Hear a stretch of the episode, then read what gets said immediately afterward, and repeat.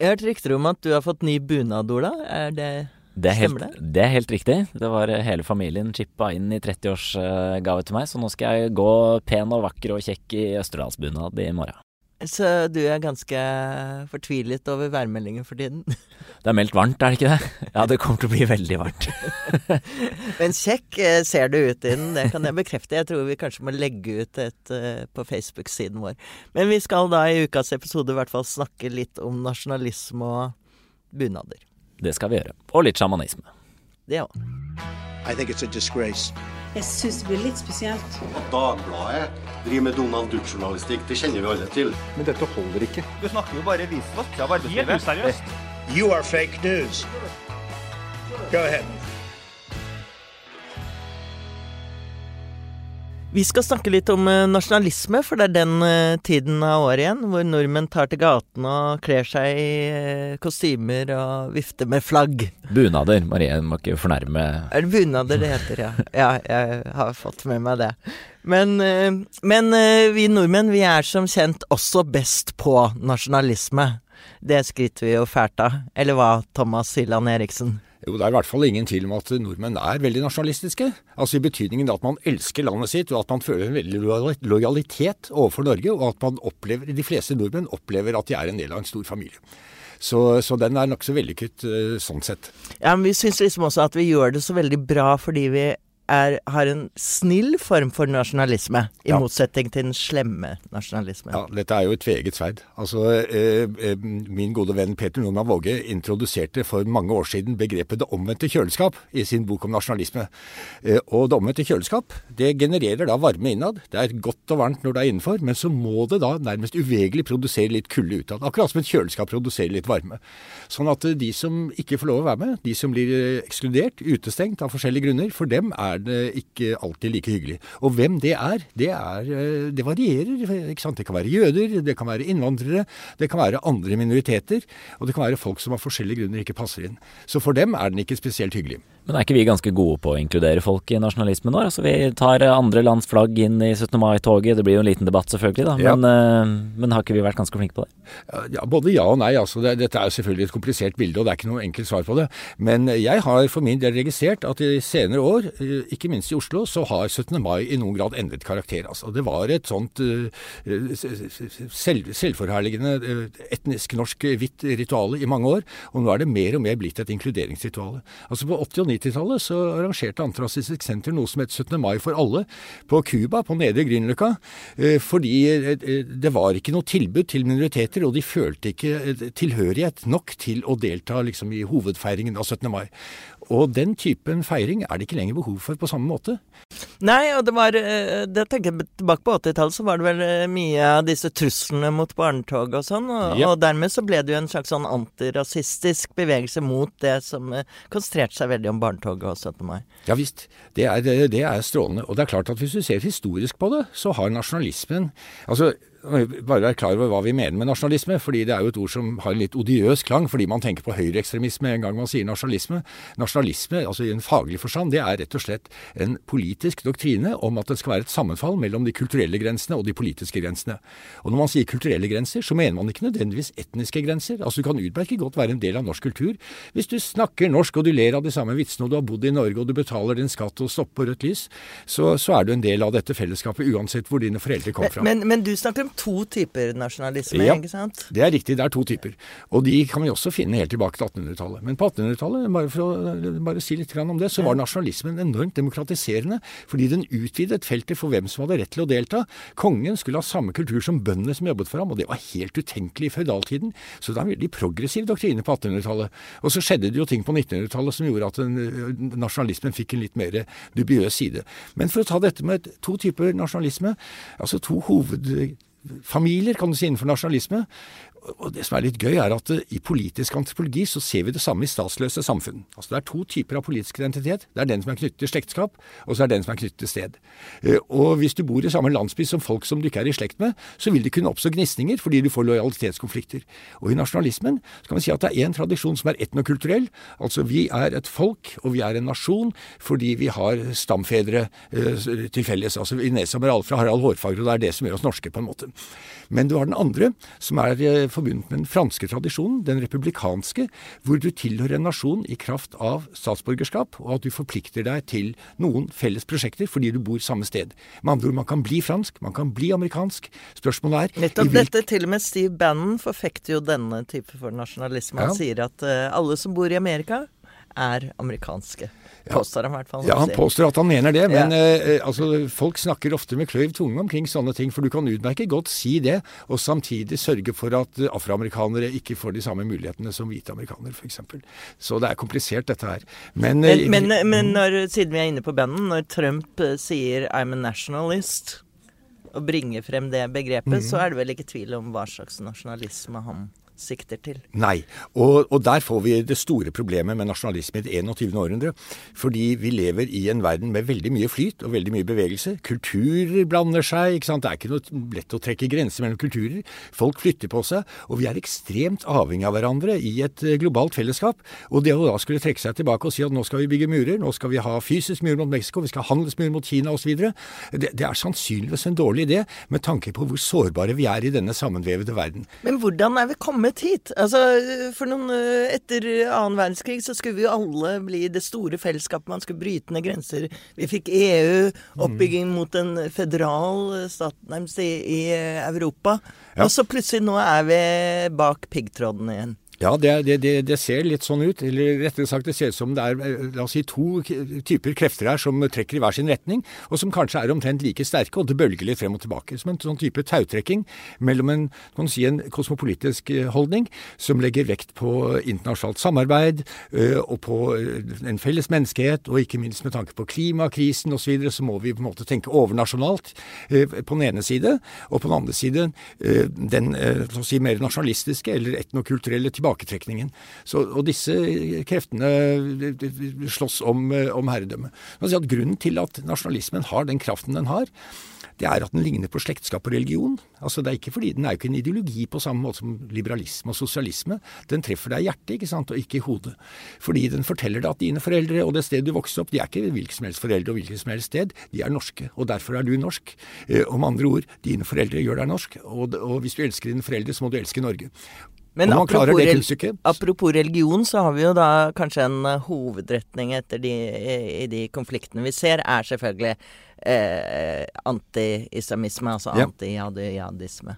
Ja, det er, er, det, eh, er det riktig å si at det er liksom overordnet det vi ser, i hvert fall i Europa? Ja, Det er en del av det. Det er en viktig del av denne identitetspolitikken. For det er jo sånn at når du skal skape en identitet, så er det ingenting som er som en felles fiende, altså. Hvis du skal styrke en identitet. Det er et, det er et veldig, veldig effektivt eh, eh, virkemiddel hvis du ønsker å skape en felles identitet. Det er å ha en annen å sammenligne deg med som er det motsatte av deg.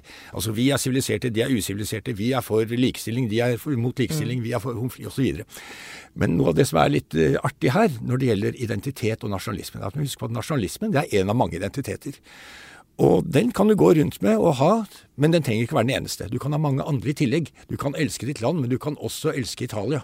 Ikke sant? Og du kan være beundrer av indisk historie og, og engelsk fotball. Og, og du kan føle deg som kosmopolit, selv om du også er nasjonal. Så grunnen til at nasjonalismen blir så sterk, det er koblingen til staten. Sant? Altså, det, det er jo det det handler om. Eh, og Trumps nasjonalisme dreier seg veldig mye om eh, USA incorporated, ikke sant, mot Røkland. Men så, eh, når du ser f.eks. i Ungarn og mange av de tidligere eh, eller østeuropeiske landene, så er det jo dukker også antisemittismen opp. Mm. Altså, og eh, du nevnte trakasseringer, sjikane av homofile. Yep. Eh, det er eh, strenge patriarkalske lover og regler, eh, antiabortbevegelser osv. Så, videre. så det det er de stygge liksom, De bruker den samme oppskriften som vi kjenner igjen fra Mm. mellomkrigstiden. Ja da. Og så sier de at det er fordi vi elsker vår kultur og, og, og vårt land osv. Så, videre. så der ser du at nasjonalismen har iboende et janusansikt. Altså den er ikke verken god eller ond, men den kan vris i begge retninger. Den skaper fellesskap, men skaper også ekskludering. Og i dette tilfellet så ser vi noe som er gøy. Jeg har lyst til å si to ting. Og det ene er at når, du, når det er islam som er hovedfienden, så er det faktisk ikke en annen nasjon. Det er ikke engang en annen etnisk gruppe eller et annet folkeslag. Det er en religion som strekker seg fra Marokko til Indonesia, som består av massevis av folk som snakker forskjellige språk og ser forskjellige ut. Så, så det, religiøs identitet har en litt annen grammatikk enn nasjonalismen. Den er ikke knyttet til staten. Det er det ene jeg hadde lyst til å si. Og det andre er at når det er antisemittisme, f.eks. som vi ser blomstre opp i Ungarn, hvor det er relativt få jøder igjen, som i Polen, så handler det om den indre fiende. Så det er klart at en ytre fiende er fint å ha. Da kan du bygge murer, og du kan eh, liksom lage, lage deg noen fiendebilder av dem. Men det kan også være en veldig bra ting å ha en indre fiende, for da kan du skylde på dem eh, med hensyn til alt som går gærent i ditt eget land. Og du ser jo at det er det uh, mange av disse populistiske lederne gjør. Når noe går galt, så skylder de altså på at det er noen grupper i dette landet som motarbeider oss. Ja, er, som regel er det Soros, men det, i de fleste tilfeller er det det. Men eh, det kan også være andre. Men jeg tenker på sånn, Hvilke virkemidler har man uh, for å bekjempe de som misbruker da, våre felles symboler og vår felles arv og osv. til en, å bruke den i politiske retninger som vi ikke, ikke er, vil være kjent med et liberalt demokrati? Altså, hva, hva kan man gjøre for å, for å stanse de som prøver å kapre eller kuppe ja, altså eh, Som eh, akademiker så er jo jeg forpliktet til å si at vi trenger å spre kunnskap. Men jeg er ikke, ikke så sikker på det når det kommer til syke, for det viser seg at vi mennesker vi henter jo inn den kunnskapen som, som, allerede bekrefter det vi trodde på forhånd. Og så glemmer vi den andre, eller vi husker den ikke, eller den preller av. Så det er nok ikke så enkelt. Jeg tror at det som er viktig, er at vi får noen erfaringer som forteller oss at vi også tilhører noe annet enn en nasjon. Ja, altså at, og, og, kan vise det på forskjellige måter. At ja da, det er vel og bra at du bor i landet ditt og at du er stolt av landet ditt, men du skal også være stolt av at du er en del av en større europeisk sivilisasjon, av en menneskehet, og at du har forpliktelser overfor hele menneskeheten osv. Eh, det tror jeg er viktig. Og eh, kanskje at vi skal også eh, slå et slag for urenheten. Altså det blandede, det som ikke passer inn, det som er imellom. De som nekter å feire 17. mai, de må få lov å være borgere, de også, og nyte godt av de samme rettigheter.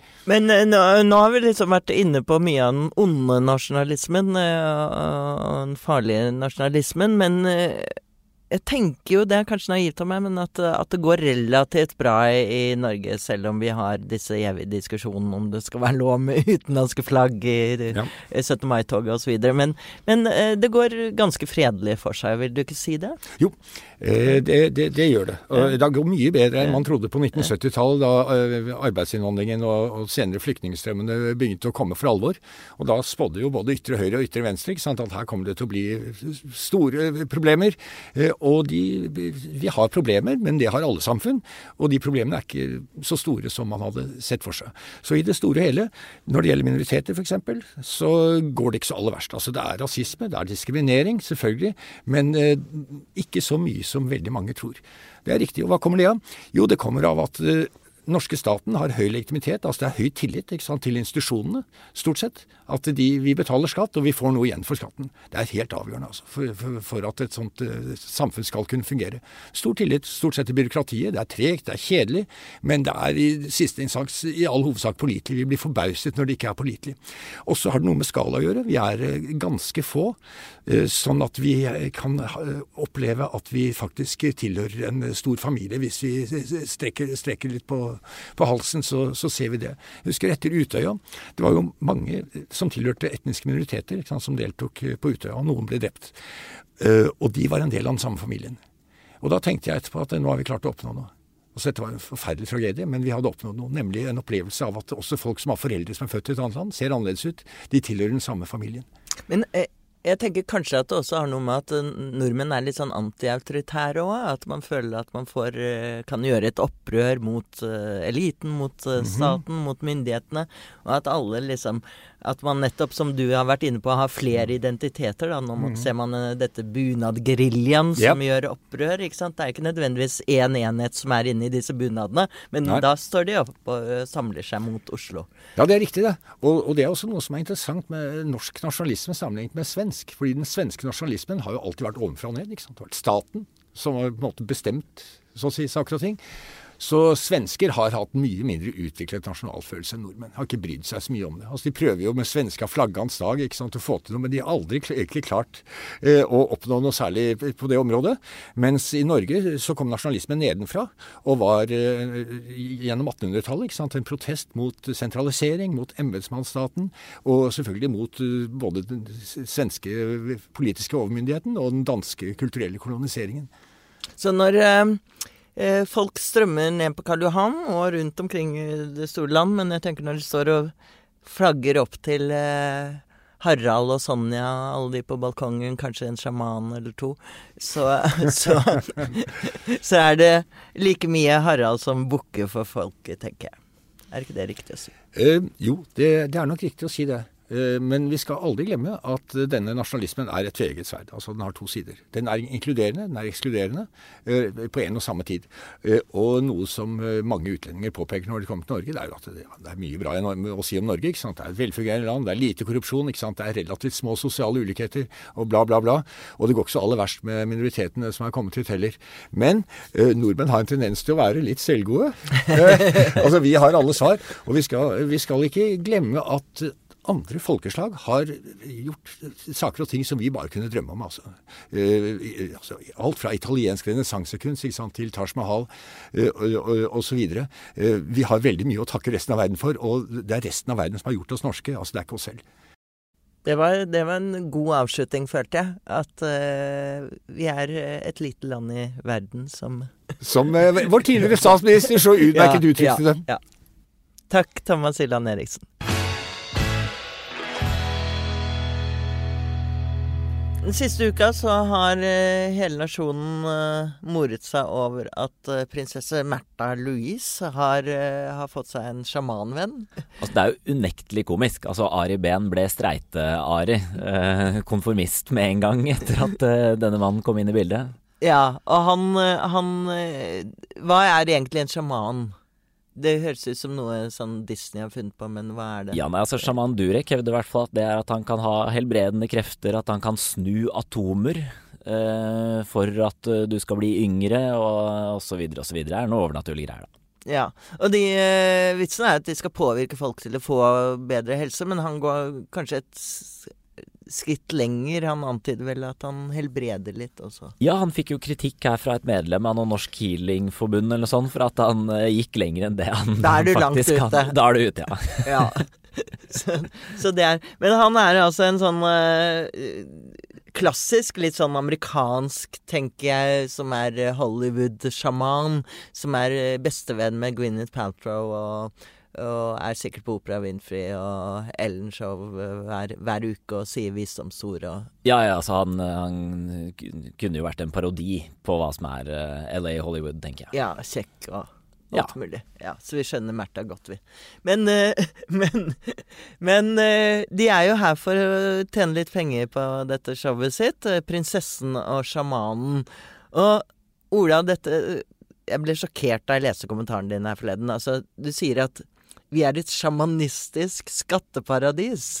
Ja, eh, det er faktisk sånn at eh, selv om det er knapt med penger i norske helsevesen, så indirekte subsidierer vi alternativ behandling eh, ved at alternative behandlere kan registrere seg i et offentlig register, og dermed få momsfritak for det de holder på med. Så det betyr at hvis Durek oppretter et eller melder seg inn i Healingforbundet, kanskje som er det mest mm. nærliggende, mm. så kan han faktisk få, få momsfritak eller skattesubsidier fra den norske staten for å selge sjamanproduktet sitt, eller hva man skal kalle det. Ja, Så vi bruker til dels uh, betydelige summer ja, skattepenger på, på, ting som vi vet ikke virker? Ja, en utregning tyder på at vi kanskje subsidierer med så mye som 180 millioner kroner i året, og det er da over en milliard da under den borgerlige regjeringen, og det er da penger som selvfølgelig, hadde vi fått inn via skatt i stedet istedenfor.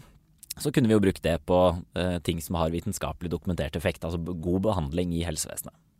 Ja, men er det ikke noen kontrollinstans her? Altså er det noen uh, Vi har jo Helsetilsynet for, for, for, de som driver med normalmedisin, men hvem er det som sjekker healerne og Nei, altså det, det, er en del regler om at de kan, ikke, de kan ikke reklamere med helbreding, og de kan ikke reklamere med liksom uh, med effekt og alt mulig, men sier at folk opplever at dette har, eh, har en virkning og sånn. Så det er sånn, noen regler for hva de kan si og ikke si. Og så eh, vil faktisk eh, Det var en representant for bransjen her som gikk ut i denne avisa og vi vi gjerne vil ha liksom journalføring og ordentlige utdannelser og liksom en profesjonalisering av hele bransjen. Og det er jo selvfølgelig, altså et, i min mening er det jo bare humbug alt sammen. Eh, Og, for, Forbrukertilsynet, så vidt jeg vet, skal følge de nøye, som de sa. Ja, ja så de, eh, det, blir det blir spennende å se hva sjamanen og prinsessen ender opp med. Ja, men, eh, men det er vel mest show, tenker jeg, hvis du betaler Hva er det de skulle ha for noe? Ja, det var over 1000 kroner billetten i Danmark, i hvert fall. Eh, 1200 norske kroner eller. Eh, så Ok, er- over 1000 kroner, da er jeg enig. Da bør du helst ha noe som kan helbredes. Ja, altså, det er dyrere enn dine liveshow, da, eh, dette her. Men eh, ikke nærheten er like bra, tror jeg. Jeg er enig, Ola. Jeg er glad du nevnte det. Kom heller på mine liveshow, tror jeg må være konklusjonen der. Absolutt. Og selvfølgelig en streng beskjed til myndighetene om å kutte de subsidiene her. Det er jo helt absurd at vi skal, eh, skal bruke penger på den måten, når eh, vi kunne brukt de på faktisk helbrede folk istedenfor. Det er jeg enig i. Og prinsessetittelen kan de ta med det samme. Ok, det var ukas episode. Sjamaner og nasjonalisme. Jeg vet ikke om det passer så godt sammen, men eh, det gjør de her i podden. For det du hørte på, var siste med Marie Simonsen.